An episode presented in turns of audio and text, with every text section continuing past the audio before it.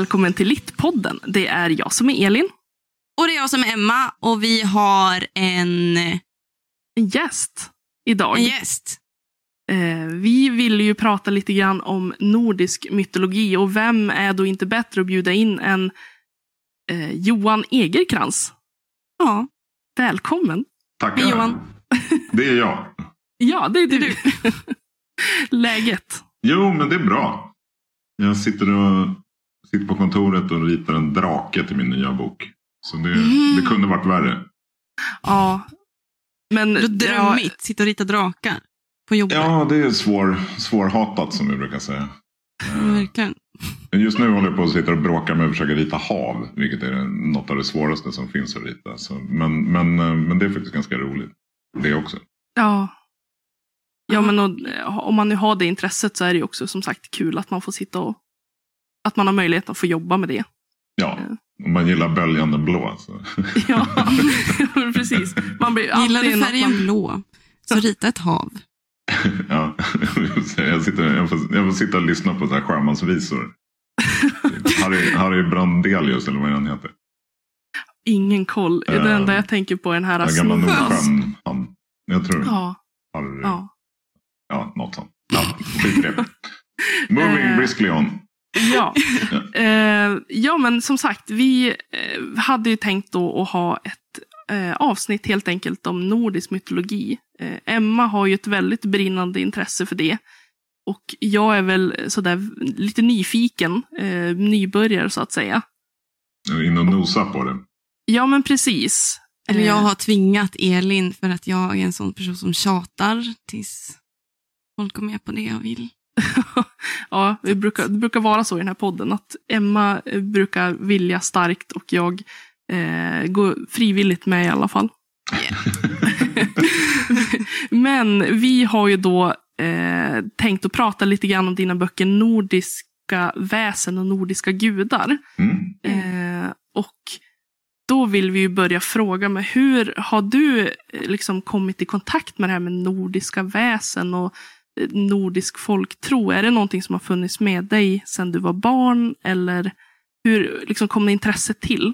Ehm, Jag har alltid varit intresserad av mytologi eh, sen jag var liten. Alltså ri- riktigt liten. När jag Mm. var fem, sex år så, där, så blev jag, började jag läsa.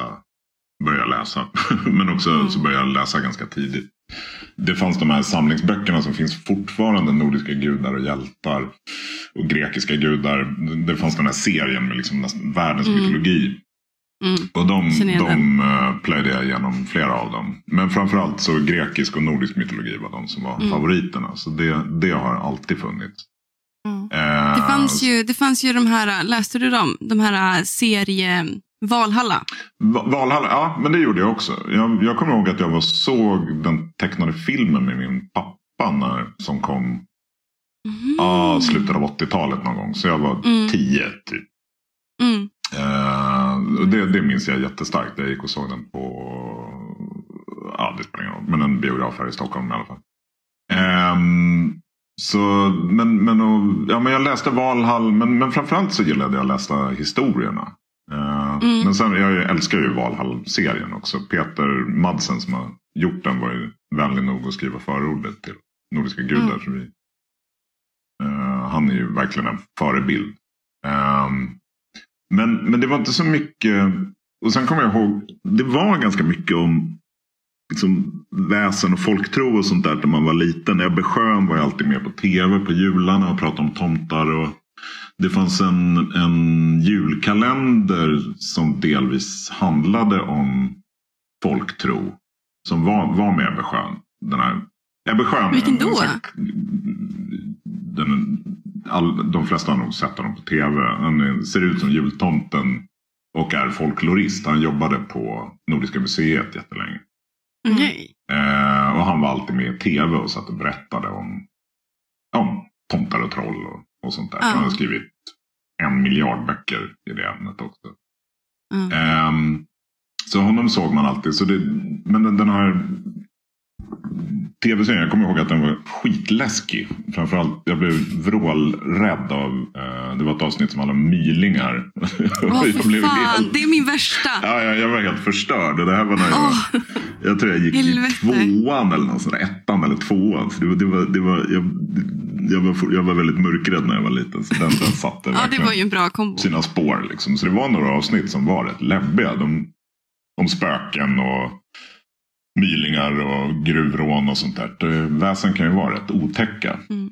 Eh, För den så det inte- satte väl sina spår. Eh, Ja. Och sen när jag var 10-årsåldern, 10-11 sådär, så började jag spela rollspel. Och, de, Mm. och Drakar och Demoner och sånt där, så fantasy. Men det, Drakar och Demoner var det jag började med.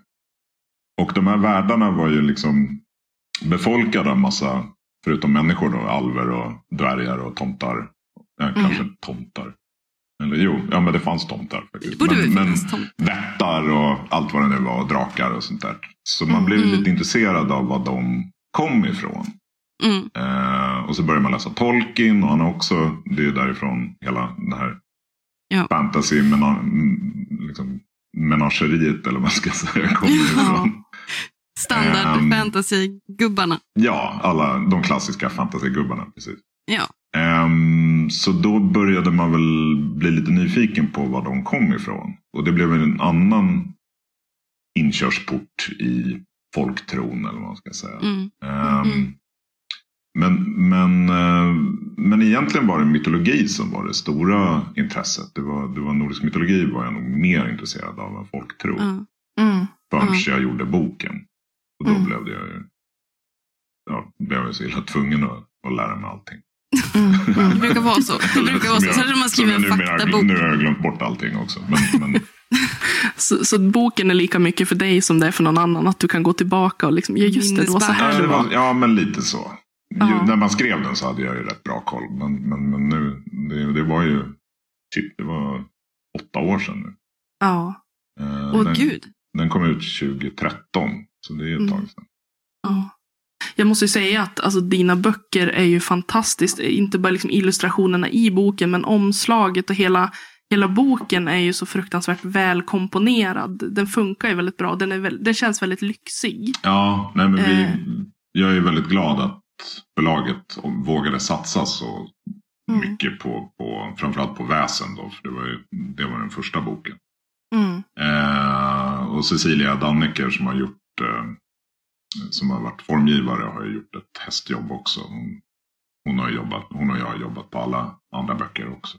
Mm. Mm. Ehm, så det, det är ju nej men det är ju väldigt mycket med, med böcker, det märker man, det handlar ju väldigt mycket om hur man presenterar bilderna. En grej är att liksom ha bra illustrationer, men om man presenterar Mm. dem på fel sätt så det ser man ju ganska många böcker som bara kastar bort jättefina illustrationer genom att inte presentera dem. Mm. rätt. Och då, då, då dör det, spelar ingen roll hur snygg illustrationen är. Om det är dåligt layoutat, om man liksom inte låter bilderna andas eller ja, få Ja. värdighet, den värd, värdighet de behöver så, så spelar inte det någon roll. Utan det är jätteviktigt. Layouten och, och ja, formgivningen är otroligt viktig för att få bilderna att att poppa och leva. Mm.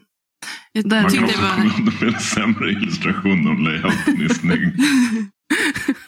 jag tyckte det var så himla nice någonstans. Alltså, en av mina favoritasar är ju, eller asar, jag vet inte om hon är en asa, är hel. Eller Mm. hela. Eh, och jag, jag har varit så less någonstans. Alltså jag älskar ju Marvel Comics, men Mm. jag hatar ju att hon är typ en attraktiv kvinna. Det är typ mitt värsta. Och det är ju väldigt vanligt att alla sorters kvinnor som i modern tid tecknas, eh, Ja, särskilt därifrån. Sexifieras. Ja, Ja. jo. Yeah. Jo, hon är Och- väl ganska sexualiserad tyvärr. Det har väl varit problem med, kvinnliga karaktärer i superhjälteserier ganska länge. Om vi säger Mm, jo. så. Jo, Eh, Jag växte ju upp på 90-talet när det bara var så här, oh fan. my god. Liksom. Åh, Alla såg ut som strippor. Liksom. Det, var, ja men gud. eh, det har ju blivit lite bättre nu faktiskt. Mm. Eh, sen tycker väl jag Kate Blanchett är rätt häftig som hel. Men, Jo, men, alltså hon är ju mäktig men, eh, som men, skådespelerska. Men hon är ju, halva hon är ju vacker. Liksom även i myterna. Yeah. Jo, men det är just det där att man saknade, man har saknat den där krumbheten. Eh, och just att hon ändå är ju typ vad är hon, svartblå på halva ansiktet. Det är ändå en väldigt distinkt, tydlig, en, en del av hennes karaktär. Jo, jag försökte ju verkligen göra henne äcklig. Liksom. Hon, hon, hon är ju helt förvriden. Hon ser ju mer, alltså för mig är hon ju mer som en Clive Barker-figur. Eh, Exakt. Och det är ju också det är en del av myten också. Att de kastar ju ner henne till hel för att gudarna tycker hon Ja. är så jäkla äcklig. Liksom. det, är, det är- så taskiga. De bara, liksom. Ehm, vil- Ja, vilket väl är verkligen- ungefär så de reagerar på alla Lokes barn. Hon är ju Ja. inte en ase, det kan man inte säga. Utan hon är ju en Va? tinna. Ja, det måste hon ju vara för att Ja. Loki är halvjätte och så är det ju den där hans... Ja, heljätte. Ja. Och så är det Angerboda. Är han heljätte? Ja. Ah, Men han är ju blodsbror med, med Oden. Men han är ju en jätte. ah, Och sen är Angerboda en mamman då. En Ja. precis. jätte. Exakt. Så, Så hon då är, är hon ju någon jättebra. slags jätte. Men jag menar det där är ju också. Oden är ju typ också en jätte egentligen. Alltså det, Är de inte det är allihopa inte så. det? Är ju som titanerna och, och gudarna i, i grekisk mytologi. Grekisk. Det handlar ju inte så mycket om vilka de är släkt med. Utan det handlar ju mer om vilken funktion de har. Vilken roll de spelar. Om de är gudar Mm. eller jättar. Det är lite deras efternamn. Ja. Oden Ase. Mm. Istället för Oden Jätte. Men det var någonting jag tänkte på, liksom, att gå tillbaka till det här med att sexualisera kvinnan. För det var någonting jag tänkte väldigt mycket på när jag läste, framförallt i eh, nordiska väsen. Hur kvinnan liksom beskrivs, att de här kvinnliga väsena, att de ofta var väldigt attraktiva, att de skulle locka till sig män eh, med sin skönhet. Och att de manliga väsena inte beskrevs som särskilt lockade. De lockade ju aldrig kvinnor till exempel, utan det var ju att de eh, Ja, Nä- Näcken gör ju det i och för sig. Ja, Eh, så det finns ju, Nä- Näcken är ju en sån här lite inkubusfigur. mm. Så det fanns ju även då i liksom hela Europa om man tittar. Alla de här sägnerna skildrar ju ett patriarkalt samhälle som Mm. ja, Ja. det var och till viss del fortfarande är. Men, men det var ju etter värre förut. Jo. Ehm, men det fanns ju det fanns ju väsen som, som lockade kvinnor. Vampyrer förvandlades ofta till vackra eh, män. De var ju oftast män. Mm. Och, och, och förförde kvinnor. Och drakar Mm. förvandlas ofta till män och förför kvinnor. Och, och Näcken kunde förvandlas till man. Och, eller han var ju en man. Men han kunde se vacker ut. Ibland såg han ju ut som en tomte med typ ett öga och sådär. Så, men, Ja. men, men ibland kunde han ju vara snygg. Mm. Men, men det, det vanligaste är ju att det är kvinnor som lockar män. Mm. Eh, och en del av det, dels handlar ju om liksom en skräck för kvinnans sexualitet och den liksom Mm. lössläppta kvinnan och sådär. Men jag tror en, en stor anledning till det är att kvinnor inte var ensamma så ofta. Mm. Nej. Eh, det är ju möjligtvis i fäbodkulturen så kunde de vara det. Då, då var det ju ofta ja, vallor som Ja. levde ensamma uppe med, med boskapen. Då. Men Jo. generellt så är det ju män, män som var ute i skogen ensamma. Män som var kolare. Män som ja, var ute i naturen själva. Mm. Eh, Mm. Och då var väl det en grogrund för sexuella fantasier. Det var ju lite så här, det var ju deras free card tänker de jag hade för ju många flest män. tillfällen så att säga. Ja, Ja. De tänkte väl så här, de gick iväg och var otrogen och så eh, sa de istället bara, nej men det var skogsrået. Så det, Ja, det gjorde de lugnt. inte, för då blev de ju anklagade för att vara häxor. Just ja. Eh, eller det finns ju domstolsprotokoll när, när folk har... Folk, Alltså, det där är där, ju där så- män har blivit dömda för att ha haft sex med skogsrået. Och då blir de ju Men är inte det för att de har haft barn med skogsrået? Nej, det räcker med att de har en relation. Bara sex? Ja. Okej. Det räknas som, jag tror det räknades som tidelag. Jaha, okej. Ah, Vad man- spännande tid Right. att leva. Ja. Fan. Så det, Ja. det, det, var inte, det sågs inte med blida ögon.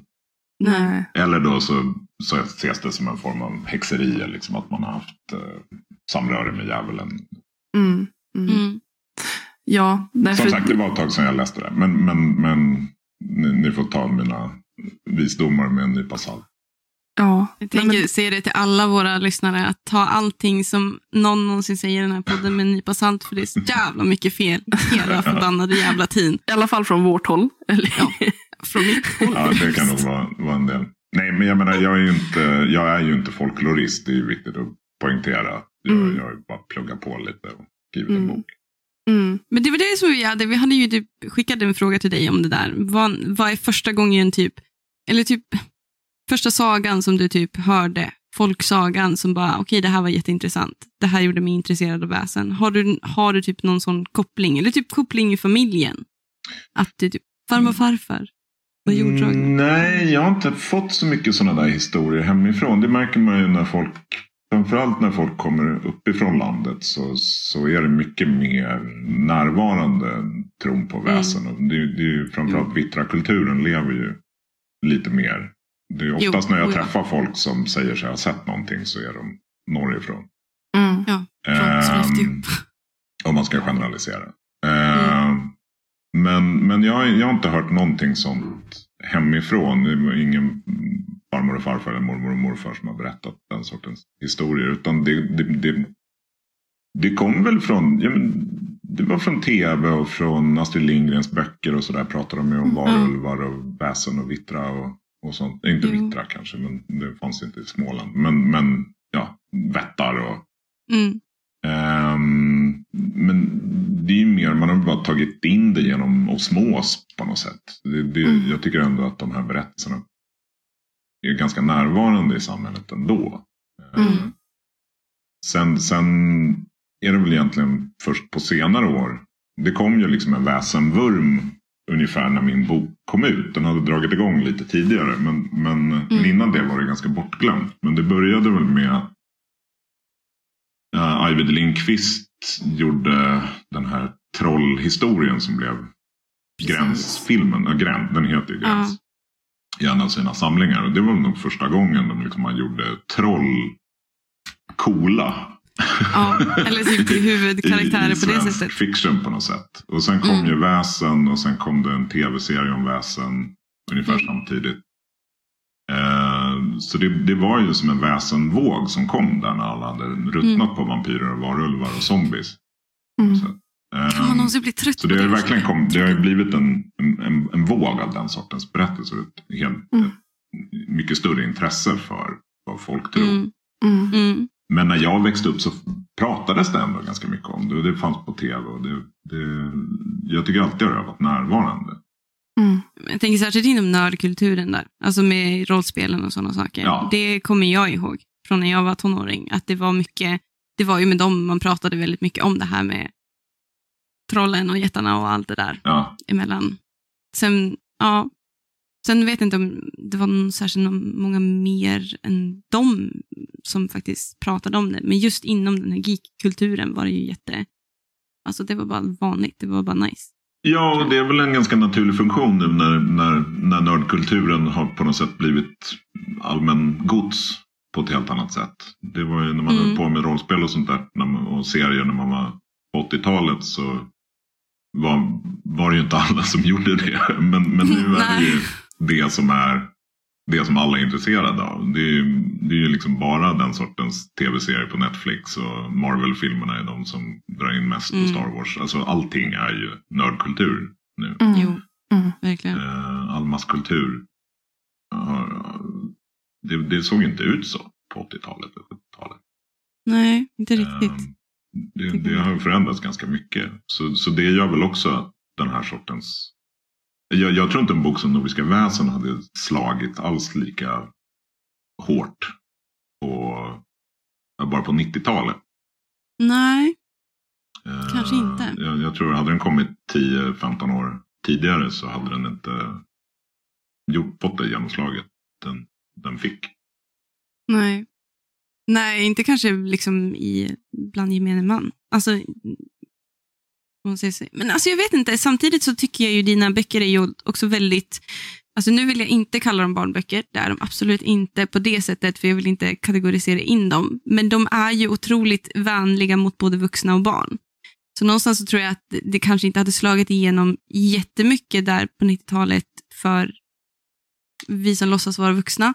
Eh, men däremot så tror jag att det är ju absolut någonting som hade funnits kanske på, alltså, bland de yngre åldrarna.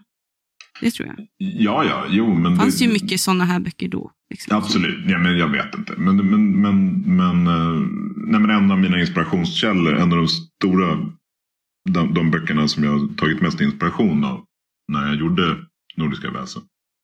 Förlåt. är en bok som heter Fairies. Eh, som kom på 70-talet. Eh, Det är en Mm. engelsk bok då som handlar om engelska äl, all, älvor och, och troll och, och sånt.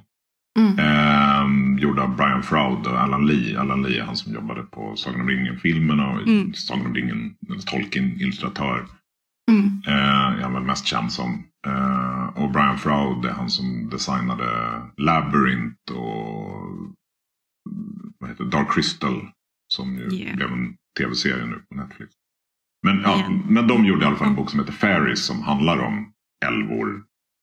Och eng- Mm. engelska älvsägner. Eller alvsägner. Eh, och den blev ju värsta hitten. Men, men det känns som i England så har det där intresset varit mycket starkare. De, de är ju mer intresserade av sin folktro, sin historia och sina myter. Än Oh, vad det ja. kanske har varit i Sverige Det historiskt. Nu har vi det intresset. Men, men jag vet inte, det, det är något som har kommit på sistone. Den kom väl helt rätt också under den här liksom lite mer hippie-perioden när alla läste Sagan om ringen. Och Alla var hög, första menar du? när rollspelen kom och sådär. De här. Du tänkte så, jag tänkte mer när alla var hög på hasch där. ja men eh, Så det kändes mer troligt. haschtomtar. Mhm. var Ja. ja, nej jag vet inte. Nej, ja. Ja, ja, ja. men, nej, men det, var, det var ju en period där, där, där det var... Poppis. Ja men det var ju någon, ja, men lite de alternativa eller gamla hippies som, som började Mm. intressera sig för ja, paganism och alltså för hedna, hedna Mm. tro och allt det där kom ju då. Mm. Liksom. Ja. Jo. Folk började bli häxor och Men jag tänker också så folk, här, folk horror började bli en grej med Wickerman och allt sånt där. Det var ju på Mm. 70-talet. mm, jag menar att det kanske kom i samband också med att man började intressera sig för miljön också. Ja, mer.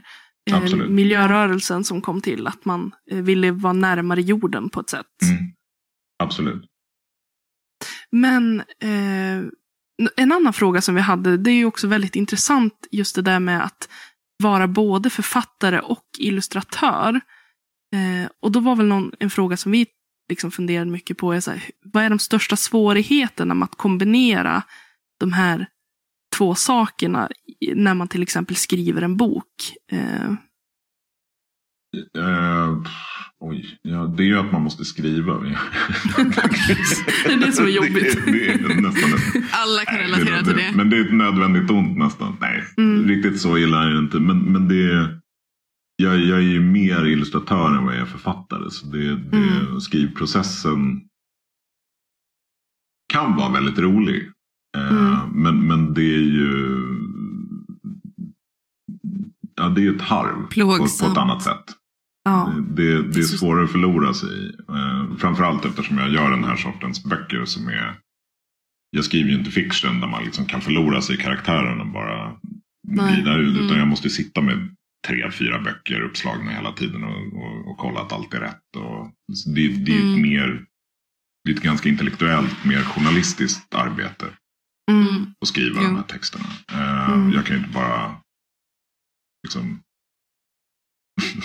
skriva vad jag vill. Utan det, jag vill ju att det ska vara ganska underbyggt. Så jag kan ju inte bara balla ur och, och hitta på. Nej. Ja. Men jag, jag kan tänka mig också att det är ganska skönt att man när man då skriver och man har de här berättelserna, eh, man läser om dem och man får en bild i huvudet, att man får använda sig av sin egen bild. Det är ju därför jag skriver dem. För att jag Mm. måste göra den researchen i alla fall. Mm. Och som du säger så får man bilder i huvudet medan man, man skriver och framförallt researchar. Mm. Eh, Så det, det är liksom det det är klart jag skulle kunna ta hjälp av någon annan och skriva böckerna. Men det är liksom ingen poäng egentligen. För att jag måste ändå sätta mig in i materialet. Och då kan jag lika Mm. gärna skriva det själv. Ja. Och sen tycker jag det är ganska kul att utveckla det språkliga också. Jag, jag tycker jag Mm. behöver det. Så. Mm. Mm. Jag hade, när jag, när jag gjorde ju- Nordiska väsen så hade jag ruttnat lite grann på att bara rita. För det är på ett sätt, det är inte jätteintellektuellt arbete alla gånger. Utan det är liksom, jag kände ett behov av att eh, använda andra delar av hjärnan helt enkelt. Mm. Så jag funderade på att börja plugga eller något sådär, bara göra något annat som satte igång andra processer i huvudet. Och Mm. då var att börja skriva var, liksom lite lösningen på det. För det är ungefär som att var, varje bok blir lite som att gå en grundkurs i någonting på universitetet. Jag måste läsa massa 40 böcker och sen 40 100 böcker ibland. Läsa Och hela Snorre Sturluson. Ja, i i ett system eller en, ja, en, en, en värld eller vad man ska säga. Mm. Ett ämne. Alltså jag tänker så här, nu när du, läst, när du skrev ihop det och illustrerade ihop nordiska gudar, alltså läste du den poetiska Eddan? Eller läste Ja. du den prosaiska Eddan? Båda. Båda? Ja, Hur kändes ganska det? många gånger. Fy fan. Eh, Men de, var de, är, ju- de är inte så svårlästa som man... Man Snorre tro. säger ju inte det. Den är ju kul. Snorre säger ju inte, alltså den är snor- inte svår, den är ju rolig. det, där, det där namnet alltså. Det, är- Eh, det är jättesvårt att hålla sig seriös. Tänk dig att stå i ett klassrum och försöka säga det. Ja, nej jag vet. nej. Ehm, nej, men, nej, men, nej men Snorre är ju väldigt rolig. Framförallt uh, Gylfa Gynning. Eh, eller Gylfa Gynning eller hur man nu uttalar det. Eh, den första delen. Där, Mm. Som är den mer berättande. Så här ser världen ut och så här. här är en massa Mm. historier. Ehm, de andra som är mer en handbok i hur man skaldar är ju kanske man Ja, de, är inte riktigt lika roliga att läsa. Nej, nej. Men, men, men, den, men Snorre skriver ju väldigt roligt. Han har ju en sån underbar humor. Den försökte man ju Mm. behålla i, i... Han har ju en underbar lakonisk humor som, som jag har försökt behålla i, i, eh, i Nordiska Mm. gudar. Eh, men jag tycker det finns i, i den poetiska Eddan också. Eh, jag läste den i en ny översättning av Alexander Bågenholm. tror Eh, som är, den är inte lika poetisk utan han liksom översatt det lite mer rakt av. Mm. Till ganska modern svenska. Så den var ganska skön att ha. Ja. Jag, jag, jag, läst, jag läste ju de andra mer lite stiffare äldre översättningarna också. Men, men, Mm. men där får man ju liksom titta på, näst, på flera olika tolkningar. Eftersom jag inte kan Mm. läsa gammal isländska. Faktiskt kan jag inte Kan du inte det? Jag kan inte Va? läsa vanlig isländska heller om jag ska vara ärlig. Ehm, eller modern isländska. Ehm, men utan då, då får man ju Eftersom det är öppet för rätt mycket tolkningar så får man ju titta på de olika, mass, flera olika översättningar och liksom jämföra och ta den, Ja. den tolkning man tycker är bäst. Mm. Det är väl det bästa när man får bestämma liksom. Helt enkelt. Ehm, Det här tycker jag är bäst. Ja, Då kör vi ja men inte. Nej, men, och sen har man ju fått höra av sig lite till, till ja, forskare och sådär som, som Mm. kan de här grejerna på riktigt. Eh, Mm. När man är osäker. Eh, jag har ju lyckligtvis några jag känner nu som jag kan höra av mig till. Tommy Mm. Kosela och så. Mm. Som. Eh, känner du liksom att dina böcker, att det måste liksom finnas ett historiebevarande syfte eh, att liksom föra det här vidare? Är det viktigt för dig eller liksom har du bara skrivit det för att du själv är intresserad och tycker att det är kul? Nej, men det är nog ganska viktigt. Jag vill nog, försöker nog se mig lite grann som en folkbildare. Eller det finns ett folkbildningssyfte i, i alla böcker jag gör. Även dinosaurieböckerna. Jag har gjort fyra böcker om dinosaurier nu. Mm. Ehm, så och jag har ju någon slags dragning till det akademiska. Eh, och det, det är väl också, det genomsyrar hur jag skriver böckerna också. Att jag skriver dem på Mm. rätt det är ett ganska avancerat språk och jag, jag ryggar liksom inte för av- avancerade koncept. Ehm, och i dinosaurieböckerna så, så får de heta det de heter. Jag försöker inte göra det barnsligt eller, eller liksom förenkla för mycket. För det, är- det är ganska komplext. Men, Mm. men det har lärt mig att barn, om barn inte fattar så är det okej. För barn är Ja. vana vid att inte fatta. Det är bara vuxna Ja. som blir irriterade när de inte förstår. Då känner de sig Ja. dumma. Men barn känner sig inte allt, liksom inte på, det, på samma sätt i alla fall. De känner sig inte dumma när de inte fattar utan de blir nyfikna. Ja. Och är de Ja. intresserade av ett ämne så sätter de sig in i det. Mm. Ja. Ehm, Exakt. Så, så jag, jag, är, jag är inte så rädd för att göra det svårt. Nej. Eh, det, är väl någonting. Jag, en, min favoritkomiker är Ed Izzard. Även om ni har lyssnat på honom. Eh, men det är ja, en väldigt rolig, fyndig, väldigt, väldigt intelligent ståuppkomiker. En engelsk ståuppkomiker. Mm. Och han, han, jag såg en intervju med honom och då pratar han om hur han liksom lägger upp sina hans, hans shower, hans standup ser liksom som en väldigt rörig och väldigt rolig historielektion ganska ofta. Liksom. Eh, där han drar in, alltså han, han pratar inte bara om så här flygplan och funny thing happened to me this morning. Utan han pratar också om Achilles och han pratar om Bibeln och han pratar om Ah, han är väldigt nice. allmänbildad så han drar in. Eh, han är rätt intellektuell. Eh, Mm. och så, så de frågade hur han lägger upp sina shower. Han, hans, hans taktik är att han, nej men jag riktar mig till liksom den smartaste tredjedelen i publiken istället för den dummaste tredjedelen helt enkelt. Och så får alla andra bara haka på. Ja. Ja. För när, de, när, de, när den smartaste tredjedelen börjar garva så kommer de andra börja garva i alla fall. Och så blir de kanske nyfikna på varför de, varför de garvar. Alltså smartaste är ju lite... Ja, men ni förstår vad jag menar. Man säger Ja, så här, jag menar- ingen, ingen vill vara dum.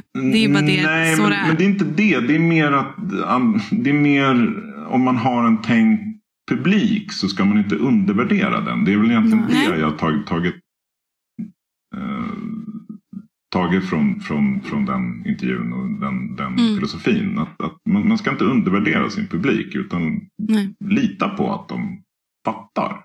Mm. Ehm, och det verkar ju funka. Folk gör ju det. Ja, jag menar som du säger att om det är någonting man tycker är svårt så kollar man ju upp det eller liksom Ja. söker sig vidare. Och det är ju också ett kunskapsbildande att man eh, går och letar andra källor också. är ju bara jättebra. Ja men precis. Om man, man liksom inte förstår det här ordet då har man ju mobiltelefon bredvid. Det är Mm. ju liksom, de här böckerna är ju ändå från tio år och de flesta barn har ju en mobil. Liksom, det är bara att Mm. kolla upp det ordet om de inte förstår. Ja, Eller så mm, ringer de och torterar sin lärare. Ja. Tio gånger per dag.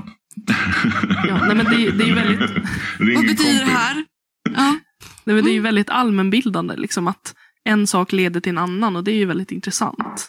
Ja, det, det viktiga är att väcka den här nyfik, nyfikenheten. Men, men jag, Mm. jag tror ett, en, ett element i det, liksom, en, eh, en viktig grej med det är att göra det lite utmanande.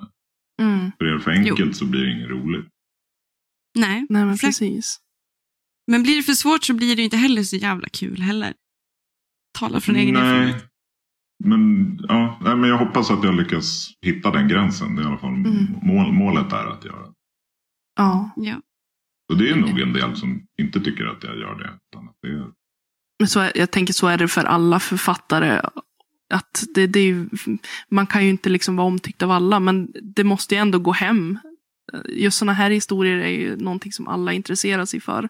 Som sagt, oavsett barn som vuxen. Att det har ju en väldigt bred eh, läsarkrets Det känns finns- det som. ja, det finns Ja, något för alla. ja, Nordiska Och så väsen hade ju definitivt en bredare läsarkrets än vad vi någonsin hade vågat hoppas på. Den, har- Mm. den har ju gått tio gånger så bra som vi trodde att det skulle. Mm. Så det är, ju, det är ju otroligt kul Mm. att den har Mm. blivit så uppskattad. Liksom. Det, det är ju svårt att komma ifrån att den har blivit Mm. Men de böckerna är också översatt till engelska. Mm. Eh, hur många, alltså, har den blivit såld till andra länder också? Eh, Ja, alltså den, den engelska versionen den är ju inte utgiven av ett eh, engelskt förlag. Utan, Mm. utan de engelska utgåvorna är ju svenska utgåvor på Mm, engelska. Och det var Mm. väl för att vi började, det var flera butiker, till exempel science fiction-bokhandeln och sånt där. Och även Skansen. Eh, hörde av sig och var intresserade av att ha den på engelska. För det var en massa turister som ville köpa dem.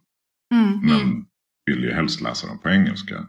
Eh, Så då testade vi att göra en översättning.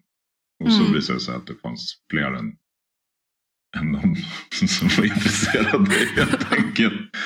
Så, så det är ju svenska böcker. Men de är översatta till är det, åtta eller sju, sju, åtta, nio språk.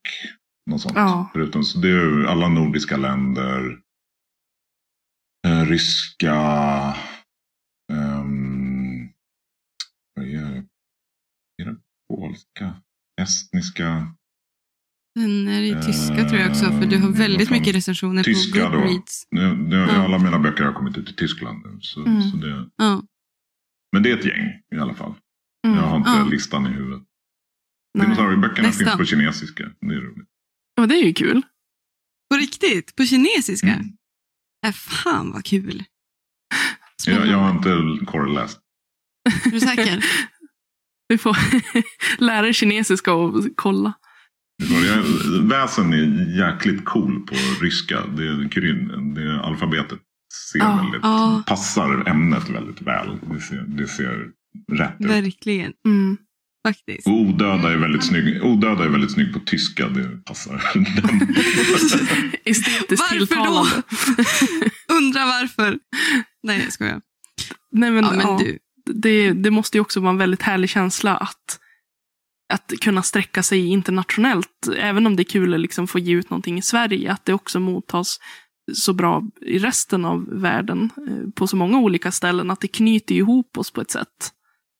Ja, det, det är roligt att, att folk är intresserade av liksom, svenska, nordiska väsen i andra länder. Och Det har man ju märkt med väsenrollspelet till exempel. Det är ju mest amerikaner som Mm. backade det. Och, det, det är jättestort. Det är ju Ja. främst amerikaner som spelar det. Mm, är, vilket är intressant faktiskt. Ja. Men jag tror, jag tror inte att rollspelare också, alltså nu, nu bara generaliserar jag, jag har ingen koll, det finns ingenting i mitt huvud, tänkte jag säga. Men alltså amerikaner är också väldigt duktiga på att spela rollspel. Och särskilt det fantasybaserade rollspel eller dystopiska rollspel. Känns det som att är väldigt poppis rent generellt. Och särskilt sen typ alla de här, ja men alltså inte vet jag, vad heter han, The Rock, började lägga ut på YouTube att han spelar rollspel och Mm. sådana saker. Känns det som att det jag vet inte, är det bara påhitt eller tror du så också? Nej men, nej, men det har väl rollspel överhuvudtaget har ju fått en uppsving i och med. Det finns ju en podd som heter Critical Role. Som har Mm. blivit jättestor och det finns massa andra sådana där poddar där kändisar spelar rollspel. Det finns en rollspelsklubben i Sverige. Eh, som är en liksom, svensk version av, av det. det. Det har ju blivit. Ja, det, det är en, ännu en, en, ett exempel på att liksom, nördkulturen har blivit allmän gods Mm. på, på ett annat sätt än vad det var förr. Jo, men Mm. verkligen. Uh, Henry Cavill målar Warhammer-figurer. Det tycker jag är så. Exakt, så jävla nice. Det är så konstigt. Jag vet inte när man är i det, Elin. Elin, någon gång då måste du bara eh, googla. Om du har tråkigt och inte vill kolla på kattvideos, då ska du faktiskt söka på YouTube efter folk som bara målar alltså Warhammer 40K. Det är så trevligt. Jag vet inte vem du tror att jag sitter och kollar på kattvideos hela dagen. Ja, Du skickar kattvideos till mig. Katter som För i helvete. Är- ja, det kanske kan vara någonting nytt. Amazing. Ah, det hade varit helt fantastiskt. Kan inte hända dock. I am, a, Men alltså, jag tycker... ja, vad sa du? I am myself, I am not a cat. Men det, det är så kul att prata rollspel. Jag, jag spelar ju lite rollspel själv. Eh, Ehm, inte så mycket nu under pandemin tyvärr. Eh, men jag som lärare tycker det är väldigt intressant just kring berättandet av rollspel. För mig är ju det ett läsande. Eh, men jag har märkt att jag, den åsikten är inte jätte... Det är inte många som så här, agrees with me, om man säger så. Eh, I alla fall på universiteten. Men hur tänker du kring, alltså jag vet inte. Kan du tycka att eh, rollspel är ett läsande? Är det ditt läsande? Ja, alltså om vi börjar med Alltså rollspel var jätteviktigt för mig. Alltså, allting jag gör har ju sin grund i rollspel. Jag menar, Nordiska väsen är ju liksom en monsterbok. Det var ju en del av inspirationskällorna. Det är ju Ja. bestarier, liksom ett rollspelsbestarie. Mm. Eh, bara utan stats. Liksom. Eh, och, och rollspelen var ju extremt formativa för mig när jag, när jag, var, när jag var liten. Och, och det, man läste ju. Det man gjorde mest var ju att läsa rollspelen. Det var ju inte att spela utan Ja, att nej, läsa faktiskt de här inte. böckerna. Och göra karaktärerna. Och göra karaktärer. Och det, var, det var jätteviktigt för mig också. Viktigt. Jag lär, lärde mig engelska till väldigt stor del genom att läsa rollspelen. Eh, jag började spela, nej, inte bara, men jag lärde mig engelska i skolan. Men, men jag, jag lä, mycket av de rollspelen jag spelade var på engelska. Så man fick ett enormt ordförråd Ja. ganska tidigt av, av rollspelen. För det var en annan sorts ord också än när man bara läste böcker. Det, Mm. det, det, Mm. det finns väldigt mycket liksom, specifikt fikonspråk i rollspel som är rätt sofistikerat. Det är rätt mycket konstiga termer som man, som man lär sig. Yeah. Som man inte hade lärt sig Yeah. annars. Typ. Nej. Annars hade man inte kunnat ambidextrös. Nej. Till exempel. Ehm, så, och jag, jag kommer ihåg när man satt och läste dem där. Men man liksom kunde orden i huvudet. Man visste vad de betydde. Man hade aldrig hört dem uttalas. Och man hade ju Mm. sina egna hemsnickrade uttal av vehicle tror jag kallade vehicle. Och, och villain var villain som Elaine. Nej! och så vidare och så vidare.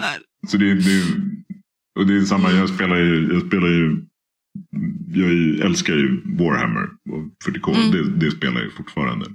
Eh, och jag blev lite kompis med ja, de i Nottingham som gör dem. Så jag åker, åker över dit ibland och liksom spelar rollspel där. Eller spelar Bara över Warhammer. och spela lite Ehm, Warhammer. Och det är så Vad- roligt att höra dem liksom säga namnen på de här olika karaktärerna som man aldrig har uttalat högt Mm. förut. Man bara, jaha, det är så det Jaha. Slanesh. Ja, nej, jag trodde det var slamish. uh, ja. Och så vidare. Det, det, men whatever, det var en väldigt lång. Det var nice. Det är en bra, det är en bra anekdot ändå tycker jag. Det är ju ett det otroligt bra sätt. Vad sa du? Ja, nu fick jag det sagt också. Nej, men, men, men, men, nej, men, nej, men jag, jag tror det, det är extremt litterärt rollspel. Ja. Eh, och, och väldigt många duktiga författare kommer ju från rollspelsbranschen. Och, och Mm. väldigt många av dem jag... Jag började min, min karriär var jag konceptillustratör för dataspel främst. Mm. Lite för rollspel i början men sen blev det ganska snabbt dataspel. Och nästan Ja, alla som skriver, väldigt många i alla fall då, som, som skrev dataspel kom ju från rollspelen. För de var vana att skriva icke-linjära berättelser. Mm. Eh, och det, var- det var väl en av de tidigare, tidiga konstformerna som var icke-linjära. Där du Mm. måste konstruera en historia så att den faktiskt, det går att liksom nå saker från olika håll. Lite som en Ja. sån här Choose Your Own Adventure-bok. Men även ett vanligt rollspelsäventyr måste ju vara uppbyggt lite på det sättet. Att, Jo, men precis. Mm. att, du, att du kan komma till ja, samma punkt på olika vägar. Och, och Mm. att du kan påverka, karaktärerna kan påverka det som händer. Att det inte är liksom en rak berättelse. Utan den måste liksom, den är lite mer labyrintinsk. Eller vad man ska säga. Lite mer som ett gren. Ja. Det är liksom ett beslutsträd Ja, på, på precis. ett annat sätt. ett stort jobb på att de här- skriva det här. Ja, men antar jag. verkligen. Alltså, Ja, att få ihop ja. det. Jag försökte en gång, det gick åt helvete. Fan vad hemskt det var. Men det är jävligt kul någonstans, att du kan ju få vara lite lurig. Så det är roligt. Jag gillar ju sådana här böcker, eller jag kommer ihåg när jag var liten gillade sådana här böcker där det stod så här. Om du vill veta hur det här slutar för den personen, gå till sida 175. Och så Mm. gick man dit och så, så gick man tillbaka för att kolla nästa gång det hände. Det är typ så rollspel. Det är bara, fast du slår tärningar då. Mer. Det finns ju sådana där såna här ensamma vargen-böckerna. Då slår man ju tärning och allting. Då har man ju ett Mm. litet rollformulär. Mm. Jag har där inte spelat så mycket ensam vargen. Jag har Nej, läst inte jag heller. men- Men, men, men jag vet att det funkar så. Jag ska erkänna att jag visste inte ens vad rollspel var förrän Emma Nej. förklarade för mig. Jag trodde att det var samma sak. Eh, men jag fick lära mig att det heter live när folk springer ut och eh, rekonstruerar liksom, ja, men typ Sagan om ringen. Att de har de här stora eh, slagsmålen och sådär. Och det var tydligen live och inte rollspel. Så att det fick jag höra. ja, fast live kommer ju från rollspel. Det är ju, bara, Ja. det är ju samma sak. Bara bara- att man gör det lite mer Live. fysiskt och inte Ja. sitter vid ett bord och käkar chips. Ja, ja precis. Tänder ljus och luktar fis i ett rum. Ja. Du kan vara ute när du Eh. lajvar istället. Eh, men Elin, det är mitt nästa uppdrag. Du får dig att spela rollspel med mig. Ja, men jag har Faktiskt. klätt ut mig till Gandalf en gång på en halloweenfest. Jag tycker att det räcker faktiskt. Fuck you. Nej, det gör det inte. För jag har inte fått se dig i Gandalf-styrseln. Jag får bara sett bilder. Jag hade som förslag att på ett halloween-avsnitt, eller om det var på livepodden, att jag skulle klä ut mig till Spiderman och du skulle klä ut dig till Gandalf. Och inte ens fan det ville du inte. You owe me. Ja, jag tänker att jag är för Fuck gammal sake. för att vara Gandalf nu. Eh, men Va? Han är väl ganska gammal. Ja, jag tänker mig att inte jag är för gammal för att klä ut mig och Jaha, gå på fest som Gandalf. ja. Jag, jag känner att den tiden är förbi. Tycker du är lite hård mot dig själv? Nej. Ja. Gandalf är typ 3000 år gammal.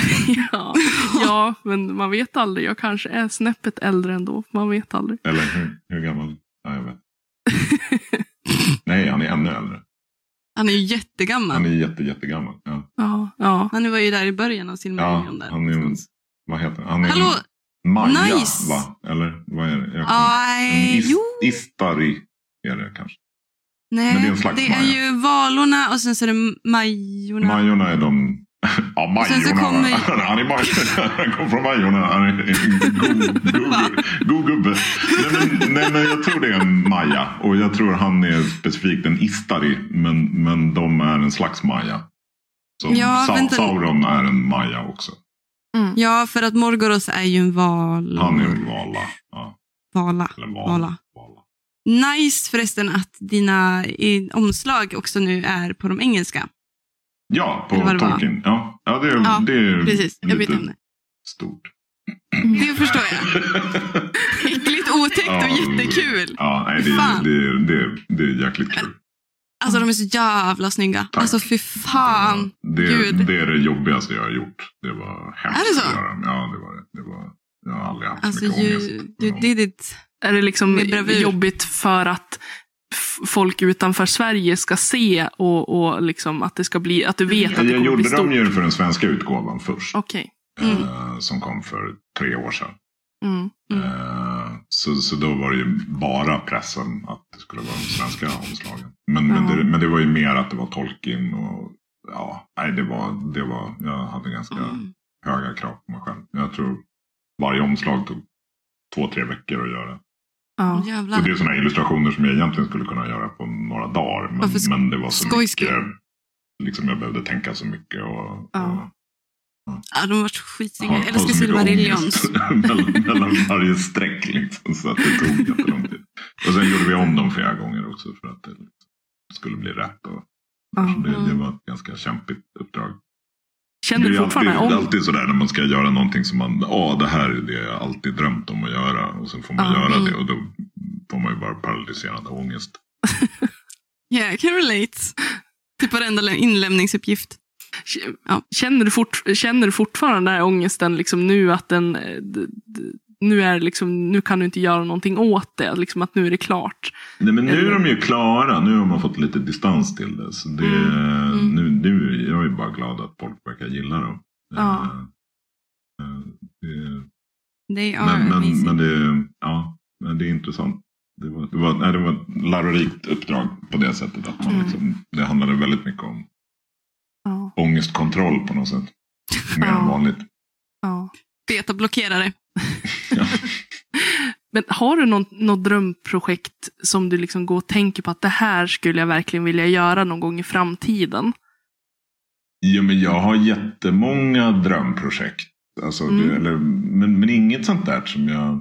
Åh, jag skulle vilja göra Dune. Eller, något sånt där. Eh, Eller varför inte? Eller liksom alla illustratörer vill, vill väl tolka Alice i Underlandet någon gång i sitt liv. Men, men, Snälla. Men, Åh ja. eh, eh, nej, men och sen har jag massa projekt jag skulle vilja göra. Helt enkelt. Eh, Mm. som, som väl kommer down the line. Liksom. Mm. Mm. Eh, men, men, eh, men jag har inget sånt där. Alltså Tolkien, det är lite svårt att komma på något annat. Nu, alltså jag, gjorde, nu gjorde jag, jag gjorde Tolkien och, och nu förra året fick jag göra Mio, Mio, Astrid. Lindgren. Mm. Ehm, vilket ju också var rätt stort, om vi säger Mm. så. Eh, men då var ju fördelen att jag hade gjort tolken innan. Så det var liksom, jag hade inte orkade inte ha ångest när jag gjorde Mio på samma sätt. Ja. Ehm, men nej, men jag, jag nej, men ing, ingen sån där specifik eh, bok eller något sånt där som jag, som jag drömmer om att göra. Det, in, framförallt inte som någon som jag har ångest för på samma sätt. Utan det är mer, det finns massa... Tänk typ The Witcher. Har inte det varit? Ja, ja, men jag har ingen relation till The Witcher. Jag spelar inte dataspel. Och jag tyckte Du har inte läst böckerna heller? inte jättebra. Eh, Well, if you like penises tänkte jag säga. ja, det väl inte så mycket. Ja, det är väl Ja, spelet. jo, du, får ju, det, du ser ju bullen väldigt mycket där. Ja, det kanske man gör. Ja. Eh, Nej, jag, jag har ingen direkt superrelation till, till Witcher faktiskt. Eh, så det hade nog varit mycket lättare att göra Mm. Ja. än Tolkien. Då hade man bara... Ja, De är, de är ju rätt så nice. Det är ju väldigt mycket sån folktro också. Polsk Ja. specifikt. ja men det är det. Det är rätt så coola monster och sådana saker. Mm. Eh, Ja, men jag är lite sugen på att läsa böckerna faktiskt. För att det känns som allmänbildning på något sätt. Det är ju tråkigt att inte spela dataspel. Eh, eftersom det är ju en så stor del av, av ja, liksom masskulturen nu. Det, det är Mm. liksom nästan Mm. konstigt att inte kunna Mass Effect. Eller Ja. Witcher. Eller Jag kan att, inte att inte ha upplevt det. Liksom. För det, Nej. det är de Nej. flesta man känner har gjort det. Eller spelat Ja. Warcraft. Jag har bara Jo. sett när folk spelar det. Men, men, men jag, är, jag är helt ointresserad av dataspel. Jag vet inte varför. Men jag tycker inte det är kul. Du har inte ens spelat The Sims? Nej, jag spelar... Jo, men det har jag väl testat någon gång när, jag var, när det kom. Liksom, Ja. när, när, Ja. För 25 år sedan. eh, men, eh, men jag har ju spelat lite dataspel. Jag hade liksom en dator hemma när jag var liten. Jag hade en Amiga 500. Så jag Ah. spelade. Så jag har spelat Bubble Bobble, Ninja Turtles. Ehm, Tur- ja, vad heter de? Lashes with Larry. Men jag har spelat sådana här liksom gamla spel. Worms älskar jag. Det är mitt favoritspel. Ja. Och jag Nice. tycker också att de här, jag tänker World of Warcraft och alla de här spelen, de är så tidskrävande. För att det är hela tiden, alltså de, är så stora också. Det Mm. finns ju nästan inget slut på de här spelen. Så att man ska ju verkligen ha ett brinnande intresse. För Ja. att liksom orka. Beroende. Jo, det, det, det, är ju, det blir ju verkligen en hobby. Och där har Mm. jag valt att ja, men den tiden lägger jag på... Jag är ju nörd liksom. Så jag, då målar jag Warhammer-figurer istället och spelar. Mm. Ja. Men jag gillar att spela spel på riktigt. Mm. Jag, liksom, jag alltid Mm. gillat det. det, det jag vill aldrig, det är väl det jag inte gillar med dataspel. Att jag inte får använda fantasin där. Mm. Mm. Eh, jag får Jo. inte bestämma själv hur det ser ut. Och jag får inte använda den delen av huvudet. Det var lite Och det är okej när man kollar på film. För då är det ett konstverk som presenteras för en. Men, Ja. men, men när man spelar så vill jag tänka själv på, på ett Mm. annat sätt. Ja, jag fattar. Eh, vi har ju förberett också några fem snabba frågor. Eh, också en så här, lite, litet rolig, roligt inslag. Och det var, ska verkligen vara så här snabb, det, det första du tänker på. Ja, nej, det är liksom psykologi. Ja, men precis. Det är ett helvete. första. Vi har försökt att vara ganska snäll. Ni ska inte visa Rorschach-test och säga vad jag... Ja, jo, tänkte vi, vi jobbar oss fram till det. Och sen ska Det vi analysera det. Okej. Men vi, vi kör bara. Eh, Mm. Okej, första frågan. Att, eh, om det här liksom... Eh, att rita i Men färg. kör, Elin! Ja, att rita i färg eller rita i svartvitt för resten av ditt liv. Eh, färg. Eh, John Bauer eller Chris Riddle? Jag inte vem Chris Riddle är, alltså John Bauer. Nej, driver du? Han har ju typ, han har illustrerat typ alla Neil Gaimans. Nyaste. Alltså det är typ, men Eh, men vad hette han sa du? fan. Chris Riddle. Inte Chris Wess? Nej. Eller Riddle. Charles Wess? Nej, Riddle. Jaha, nej, nej, jag, nej. Driver du med mig? Ja, nej men vi, Vilka vi, vilka, inte- vilka då? Alltså men, nya Coraline? Graveyard Book och... Ja, Ja, Graveyard. ah, okej. ja. Och Coraline och eh, han har Inte det Dave McKean några... som har illustrerat Coraline? Nej, Hans gamla, han som gjorde omslagen till Sandman. nej. Jag för mig, min, min utgåva är det... Nej. det Dave McKean. Nu blir jag ännu mer Eh, fundersam här. Nej, tyst! Jag kan inte få fel på det här. Nej, men, men, men det är han som illustrerat den nya versionen av Graveyard Book i alla fall. Eh, den med lite mer serietecknad stil. Alltså det är det som är grejen, att jag har den i... Det är McKinnon Nej. med kantig, Nej. skissig Nej. stil. För han har illustrerat en, den första utgåvan av, av Graveyard Book i alla fall. Nej, Illustrations of Chris Riddle står det här. Nu är jag till och med inne på sci-fi-bokhandeln.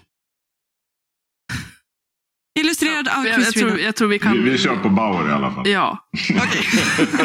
vi får inte fastna där. låter det bero. Okej. Jag hade sagt Bauer i alla fall. Ja. Okej. Att bli förförd av havsfrun eller skogsrået? S- ja, de är ju skogsråt. Känns varmare. Luktar mindre fisk. Vi satt och diskuterade här igår eh, vad som är otrevligast. Liksom. Ja.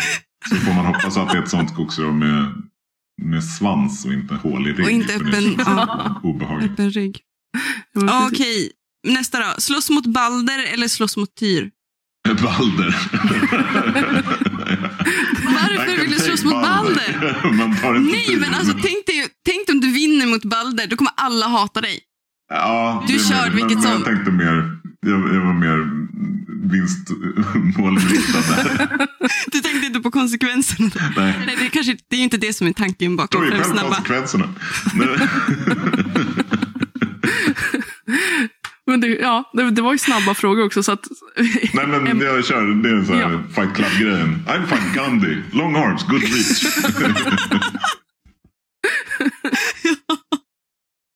Okej. Eh, sista frågan. Asar eller vaner? Asar. Jag hatar Ja, det för, jag, förvånar, jag blev förvånad själv faktiskt. Men, men, Ja. men Nu, må, det här, nu är det sista. Jag måste fråga, varför då? Eh, för att de är dryg, drygare. tycker om det.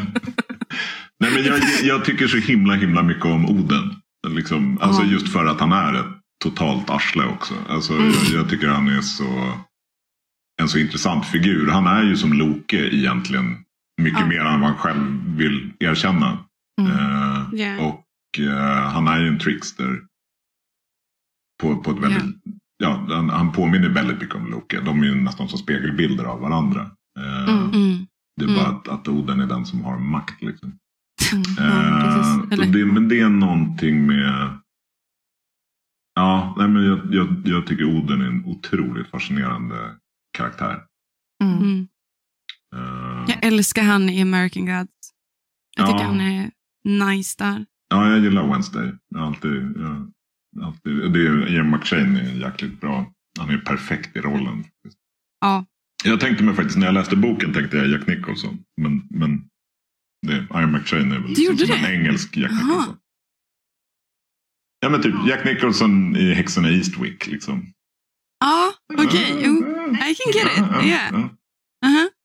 Nej, jag hade inte den tanken. Men jag har ju bara The Shining i huvudet när det kommer till Nicholson. Ja. Nej men, Det är så konstigt. men, men eh, nej, jag, jag trodde kanske inte att jag skulle säga det. Men det blev, det blev Vasa. Kommer som en överraskning för dig också. Ja. Surprise, surprise. alla, alla blev förvånade. Ja. Och sen hade vi också bett dig att komma med tre boktips. Ja, eh, det hade jag glömt bort. Men, men, eh, men jag bara kör några favoriter. Ja, men gör det. Ehm, då är det så svårt. Det beror lite på när, vilken ålder. Men äh, skit i det. Men, men det, allt. det är så här klassiker som man bara borde läsa. om man inte Böcker som har påverkat mig väldigt Mm, mycket. mm. Ehm, och Alice i Underlandet har jag redan nämnt. Mm. Yes. Om man inte har läst den får man väl Oj, skämmas. Sorry. Vårt senaste Ja. avsnitt handlade faktiskt om Alice i Underlandet. Ja. Så att, Älskar Alice. Nej, Ja. men den är... Ja, den, den betyder väldigt mycket för mig när jag var, när jag var liten. Förstår det. mm. Eh, och fortfarande på något sätt. Men, men, eh, Mm. men både Alice i Underlandet, an- Underlandet och Alice i Spegellandet. Och Mm. Ja. Så kan man ju testa att läsa dem på engelska. För, Mm. så man får läsa Jabberwocky original Yes. Ja. eh, språkdräkt. Ehm, så den eh, och sen en annan bok som påverkat mig jättemycket är Liftets guide till galaxen. Mm. Eller hela den kvadrilogi. Hela den serien. Ja. Ja. A, a trilogy in five parts eller vad det nu är. Men, men, Mm. eh, Mm. eh, nej, men den, den, den, jag läste den när jag var 15 eller något sånt där. Och jag tror jag läste den fyra gånger första året jag liksom fick Ja. den. Alltså, den, den Alltså det är min sommarbok. Ja, Jag läser den är- varje sommar. Ja, jag, jag har säkert läst den åtta gånger eller något sånt där. Mm. Jag, tycker den är, ja, men den, Fantastiskt. den är så himla rolig. Och sen, jag hade nog inte tyckt lika mycket om den om jag läste den när jag var vuxen. Utan det, det är just man ska läsa den när man är så här 15. Fast Elin, Elin läste den i höstas för första gången som vuxen. jag älskar den. Du gjorde det? Ja. Ja, jag älskar Suckande Marvin, dörrarna. eh, den här deprimerande, deprimerade roboten. eh, var min. Deprimerade och deprimerande. ja, verkligen. Ja, nej, han är... Nej, men det, nej, men det, det är någonting med den. Den, den, den öppnar upp huvudet också. Den, den använder så mycket fas- fascinerande koncept. Och, och den är, det är ju en ganska filosofisk bok ändå.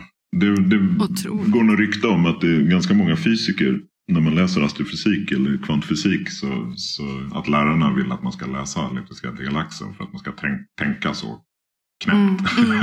Mm. Om man ska hålla på med kvantfysik. Ehm, Jag gav mig faktiskt som förslag skröna, nu. men, men det, en, det ligger något i det i alla fall. Ja. Ehm, och sen så kan jag väl ta en ny bok. Ja, men jag, jag tar en ny bok från liksom, nattduksbordet. Eh, så kan jag Mm. rekommendera Susanna Clarks nya, nya bok Piranesi som kom i höstas. Ja, den och Susanna Clark är hon som skrev eh, Jonathan Strange, Mr. Norrell som kom ut för ja, det var 15-16 år sedan nu. Men, Mhm. men som ju var värsta dundersuccén. Och sen försvann hon bara för att hon fick någon slags konstig sjukdom. Så Okej. hon har inte kunnat skriva. Men nu är hon tillbaka. Hon gav ut en bok förra i höstas som heter Piranesi som är jättefin. Mm. Eh, som, som också var en sån här. Det var första gången på länge jag läste en bok.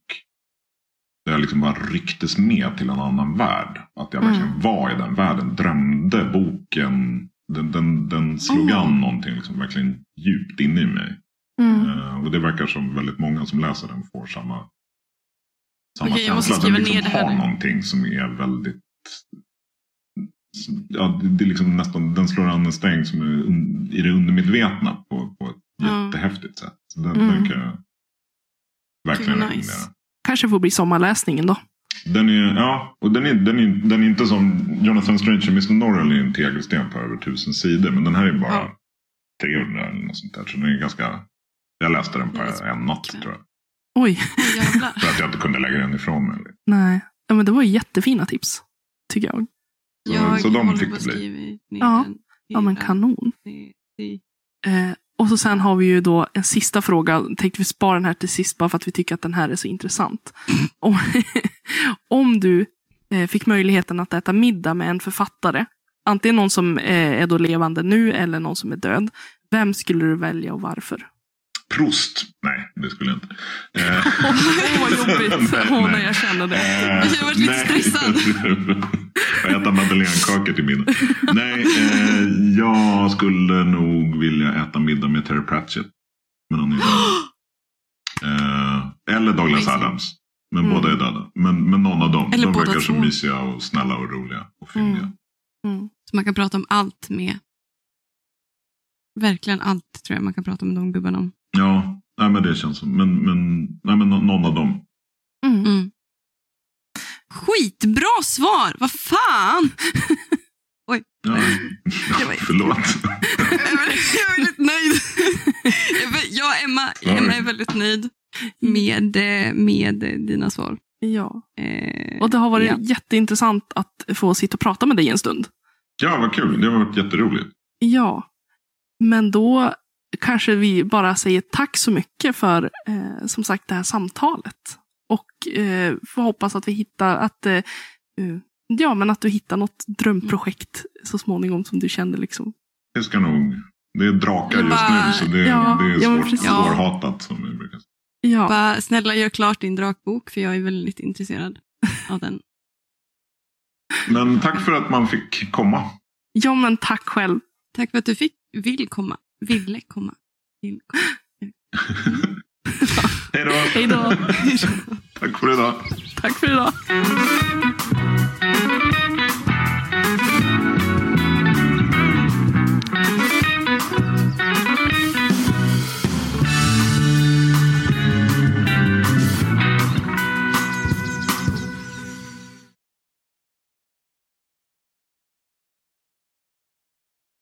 It's like in the great stories, Mr. Frodo. The ones that really mattered. Full of darkness and danger they were, and sometimes you didn't want to know the end, because how could the end be happy? How could the world go back to the way it was when so much bad had happened? But in the end, it's only a passing thing, this shadow. Even darkness must pass. New day will come, and when the sun shines, it'll shine out the clearer. Those were the stories that stayed with you, that meant something, even if you were too small to understand why. But I think, Miss Frodo, I do understand. I know now folk in those stories had lots of chances of turning back, only they didn't. They kept going because they were holding on to something. What are we holding on to, Sam? But there's some good in the world, Mr. Frodo, and it's worth fighting for.